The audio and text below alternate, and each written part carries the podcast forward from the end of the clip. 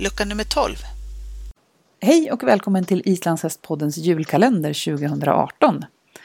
Dagens avsnitt handlar om en hingst som heter Vake från Österåker och därför har jag ringt upp en av hans ägare, Eivinder Mandal Regvidsson. Välkommen till podden! Tack så mycket! Hör du berätta, Vaki eh, från Österåker, det är en hingst. Hur kom du i kontakt med honom första gången? Ja, första gången jag kom i kontakt med Vaki, det var nog, eh, vad kan han ha varit, ett, två år eh, och eh, var hemma i hagen hos Maggan och Eje som är uppfödare till Österåkerhästarna. Just det.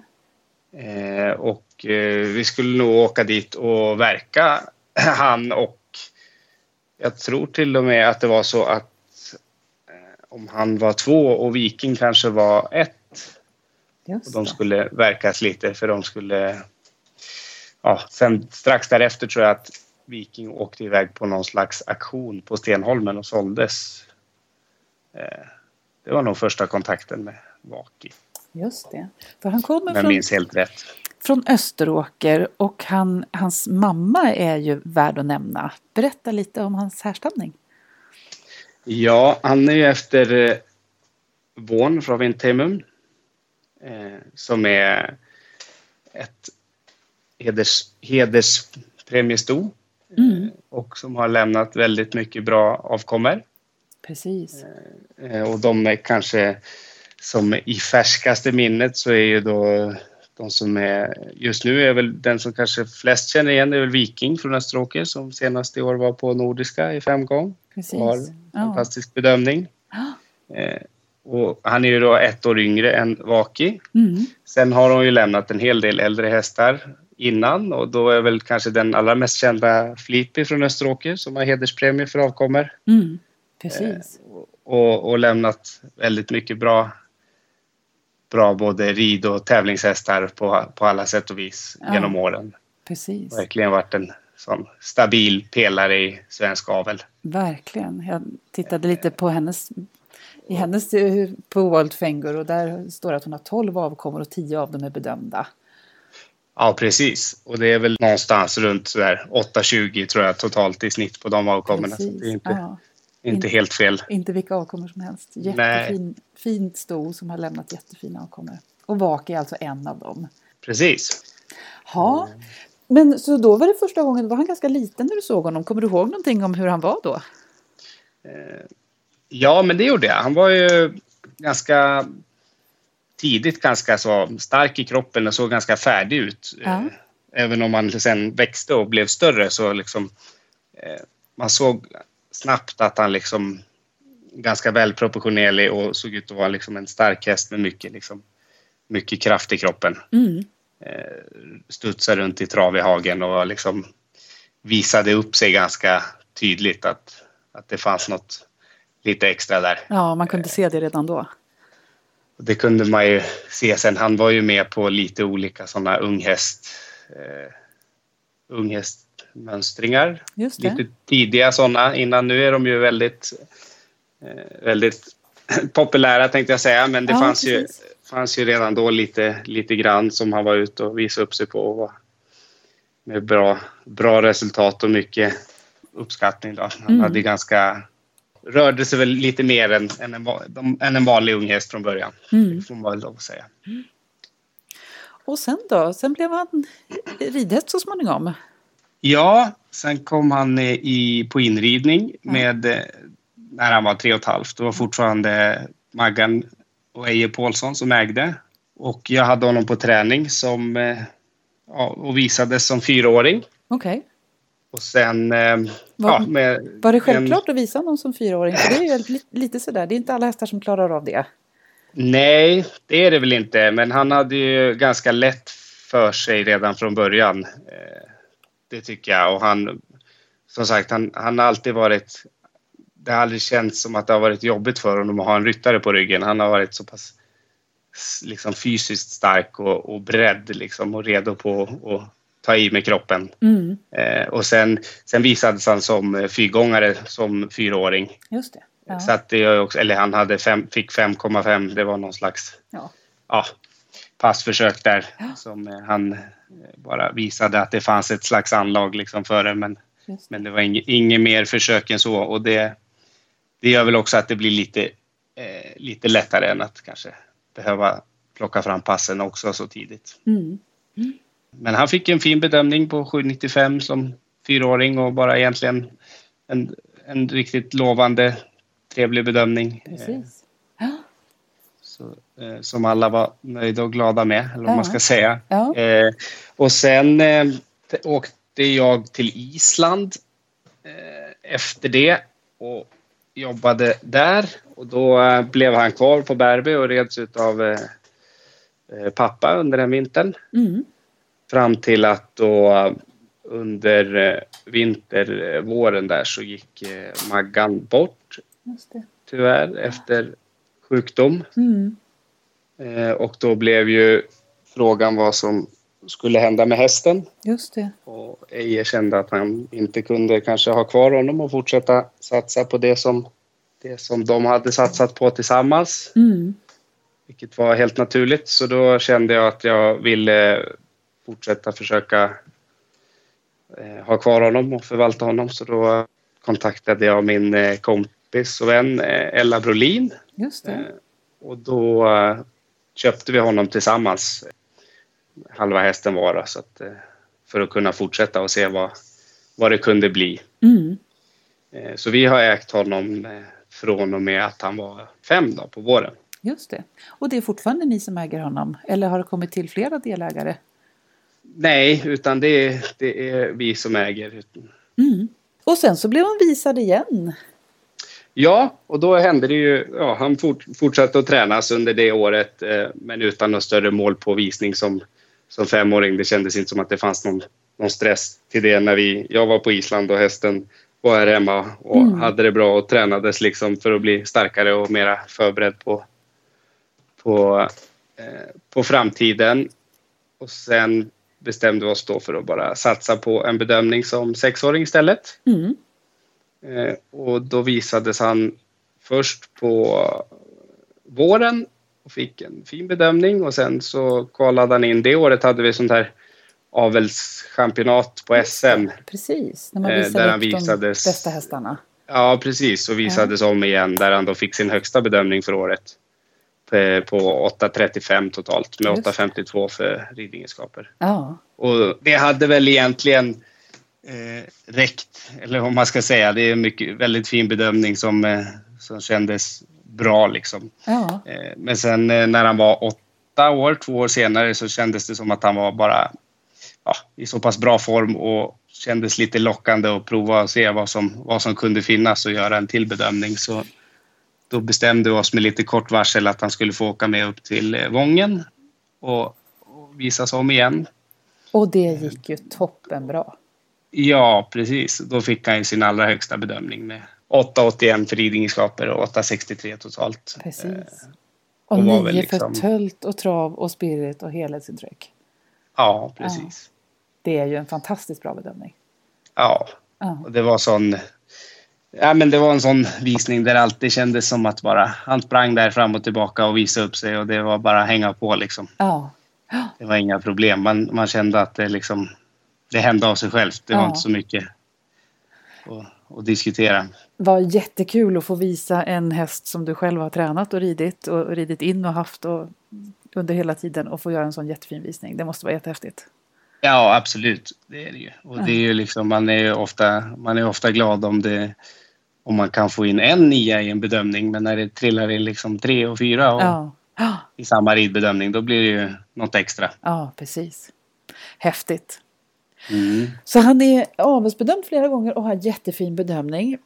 Och då får man använda sig av väl?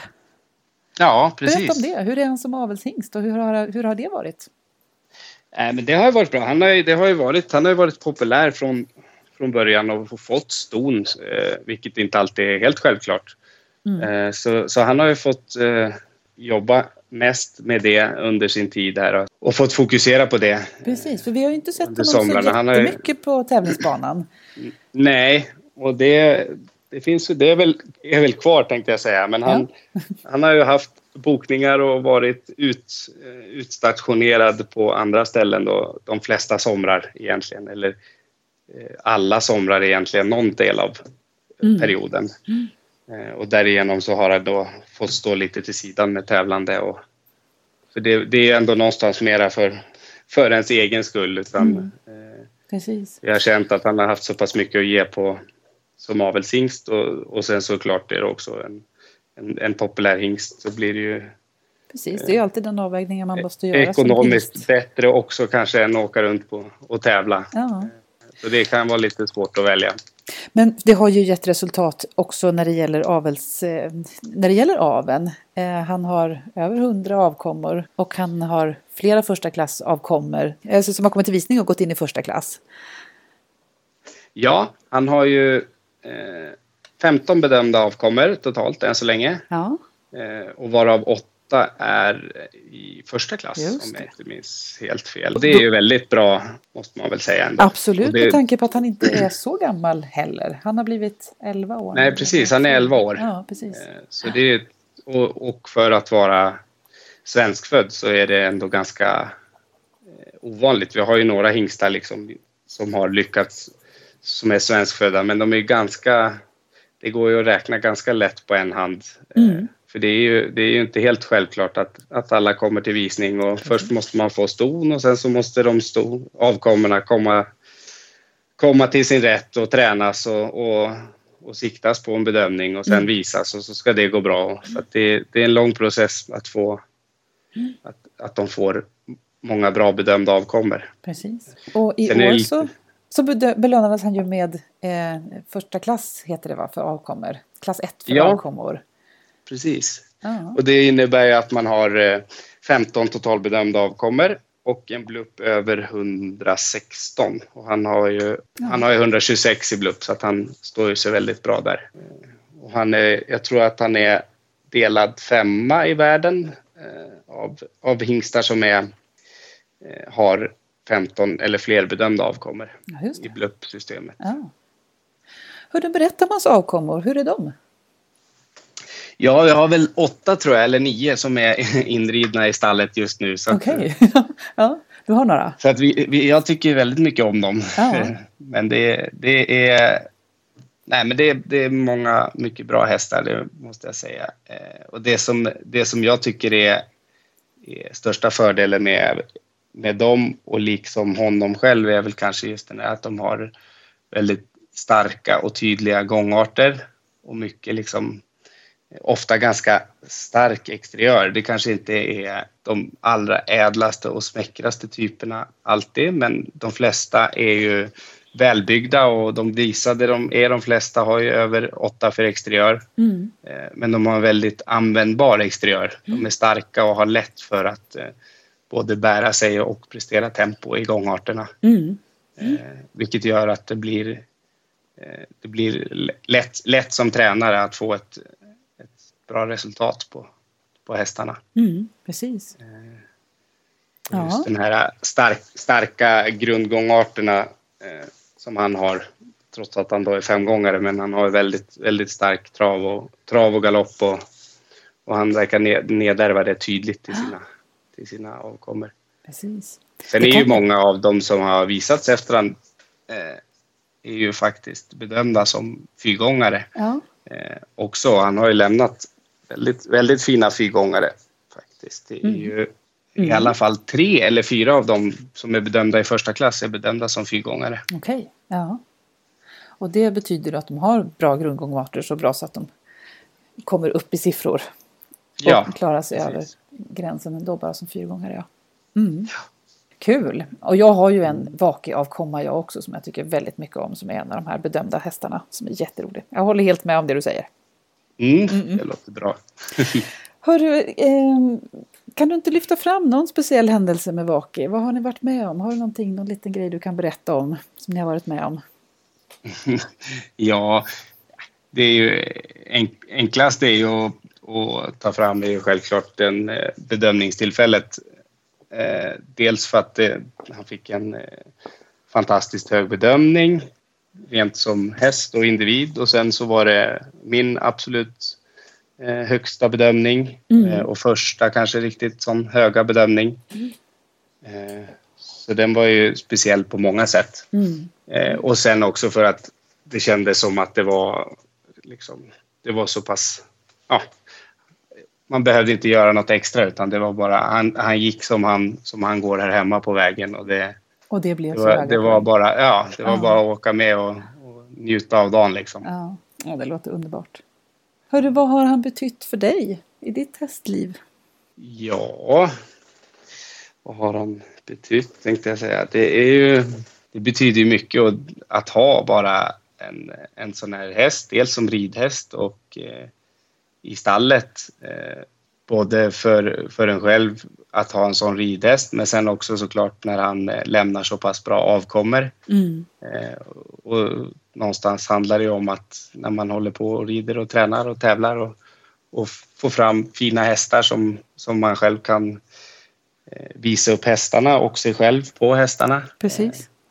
Så att eh, han har ju självklart betytt eh, mycket. Ja, Och, och förhoppningsvis så kommer det bara att, att växa mer och mer där man ser eh, hans eh, dels hans avkommer och sen också jag har, eh, eller vi har själv en ett jättefint sto efter han i avel, jag och Sofie tillsammans med Camilla Hjalti som vi äger. ja, ja. Och hon har fått nu sina två första avkommor som ser riktigt Ja. spännande ut. Så att det, det kan ju liksom fortsätta på så många fler sätt än bara som ridhäst liksom. Precis. För hur ser, hur ser framtiden ut, den närmsta framtiden för Vaki? Vad gör ni 2019? Ja, det återstår att se. Ja. Eh, Men tanken är väl att han ska få eh, komma ut och kanske visa upp sig lite mer och tävla lite. Ja, Han har ju som sagt spenderat sommarhalvåret i en hage med massa ston hela tiden sedan han var fem år. mm. Så att eh, det är väl dags att han får komma ut och visa upp sig lite mer, ja det låter spännande. tycker jag. Ja. Hörru, hur ser julen ut på Bärby? Där du och Vaki bor. Vad brukar ni göra på Ja. jularna? På jularna så tar vi en eh, liten eh, julritt runt om i grannskapet här. Ja. Delar ut lite choklad och glada hejarop tänkte jag säga. Härligt! Eh, och sen är det nog ganska mycket som alla andra. Förutom att man går ut och fodrar hästar och mockar lite och har det rätt så bra. Det låter härligt tycker jag.